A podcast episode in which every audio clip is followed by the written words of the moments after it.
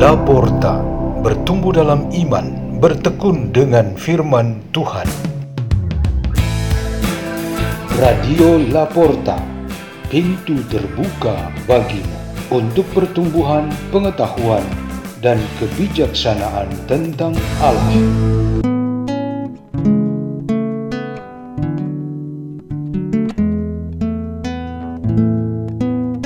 Bacaan dan Renungan Sabda Tuhan Hari Jumat Pekan ke-7 Pasca 3 Juni 2022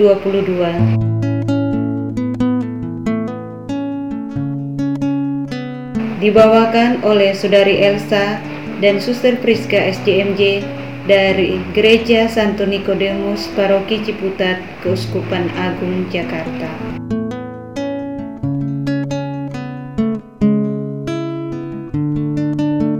Inilah Injil suci menurut Yohanes. Yesus yang telah bangkit menampakkan diri kepada murid-muridnya. Sesudah mereka sarapan, Yesus berkata kepada Simon Petrus, "Simon, anak Yohanes, apakah engkau mengasihi aku lebih daripada mereka ini?" Jawab Petrus kepadanya, "Benar, Tuhan. Engkau tahu bahwa aku mengasihi engkau." Kata Yesus kepadanya, "Gembalakanlah domba-dombaku." Kata Yesus pula kepadanya untuk kedua kalinya, "Simon, anak Yohanes, apakah engkau mengasihi aku?" Jawab Petrus kepadanya, "Benar, Tuhan. Engkau tahu bahwa aku mengasihi engkau."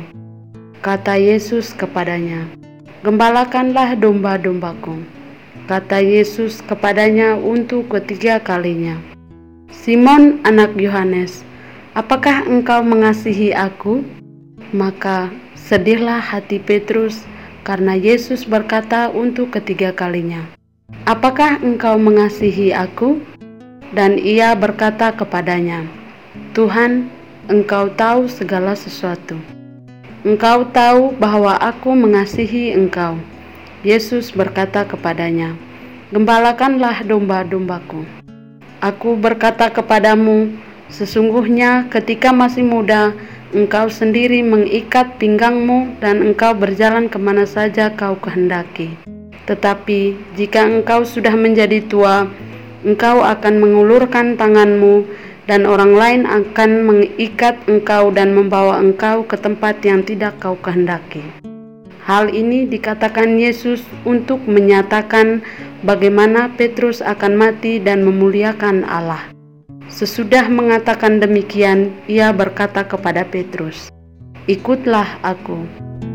Demikianlah sabda Tuhan.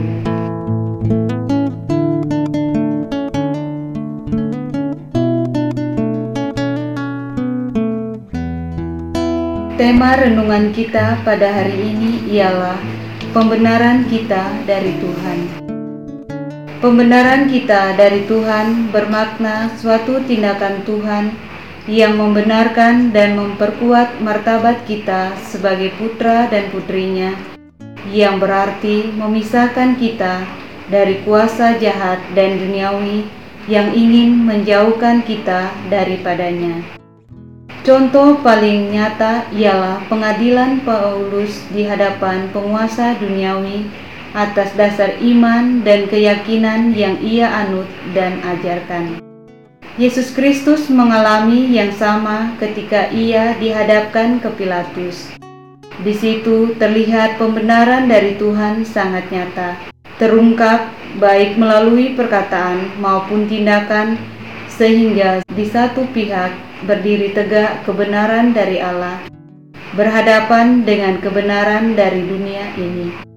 Klimaksnya jelas, kebenaran dari Tuhan harus melepaskan diri dari dunia ini untuk kembali kepada pemiliknya, yaitu Tuhan sendiri.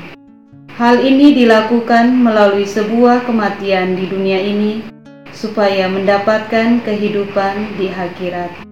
Pengadilan Paulus terkait evangelisasi yang dilakukan gereja perdana, sementara Ada juga pengadilan yang dialami Petrus saat ia diadili secara khusus oleh Yesus sendiri. Istilah diadili oleh Yesus dimaksudkan untuk menempatkan seseorang pantas dan benar di hadapan Tuhan. Petrus diinterogasi soal ketulusan, iman, dan komitmennya untuk mengikuti Kristus.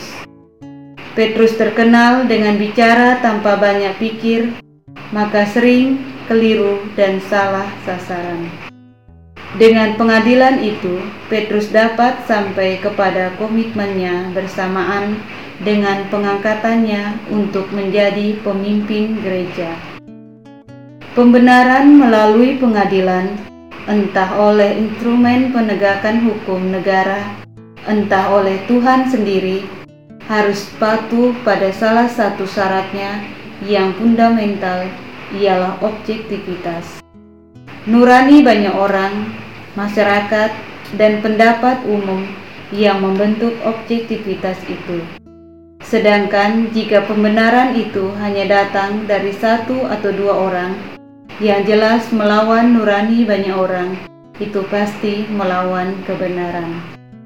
Oleh karena itu, suara dan kehendak Tuhan didapatkan melalui pendapat bersama dalam gereja yang difasilitasi oleh para pemimpinnya. Di situ, pembenaran atas sikap hidup dan penghayatan iman kita diberlakukan. Jadi, kalau Anda mendapatkan absolusi dalam pengakuan dosa yang diberikan oleh gereja melalui seorang bapa pengakuan, itu merupakan pembenaran bagi diri Anda. Tuhan membenarkan kita di dunia ini melalui instrumen-instrumen yang sah dan salah satu yang paling utama ialah gereja. Marilah kita berdoa dalam nama Bapa dan Putra dan Roh Kudus. Amin. Ya Allah, Maha Baik, tambahkanlah keberanian dan kekuatan kami untuk dapat menghadapi aneka macam kesulitan dan pengaruh jahat sehingga kami boleh menikmati suatu pembenaran darimu dan berusaha menghayatinya melalui tutur kata dan perbuatan di sepanjang hidup kami. Kemuliaan kepada Bapa dan Putra dan Roh Kudus, seperti pada permulaan, sekarang, selalu, dan sepanjang segala abad. Amin. Dalam nama Bapa dan Putra dan Roh Kudus. Amin. Radio Laporta, pintu terbuka bagi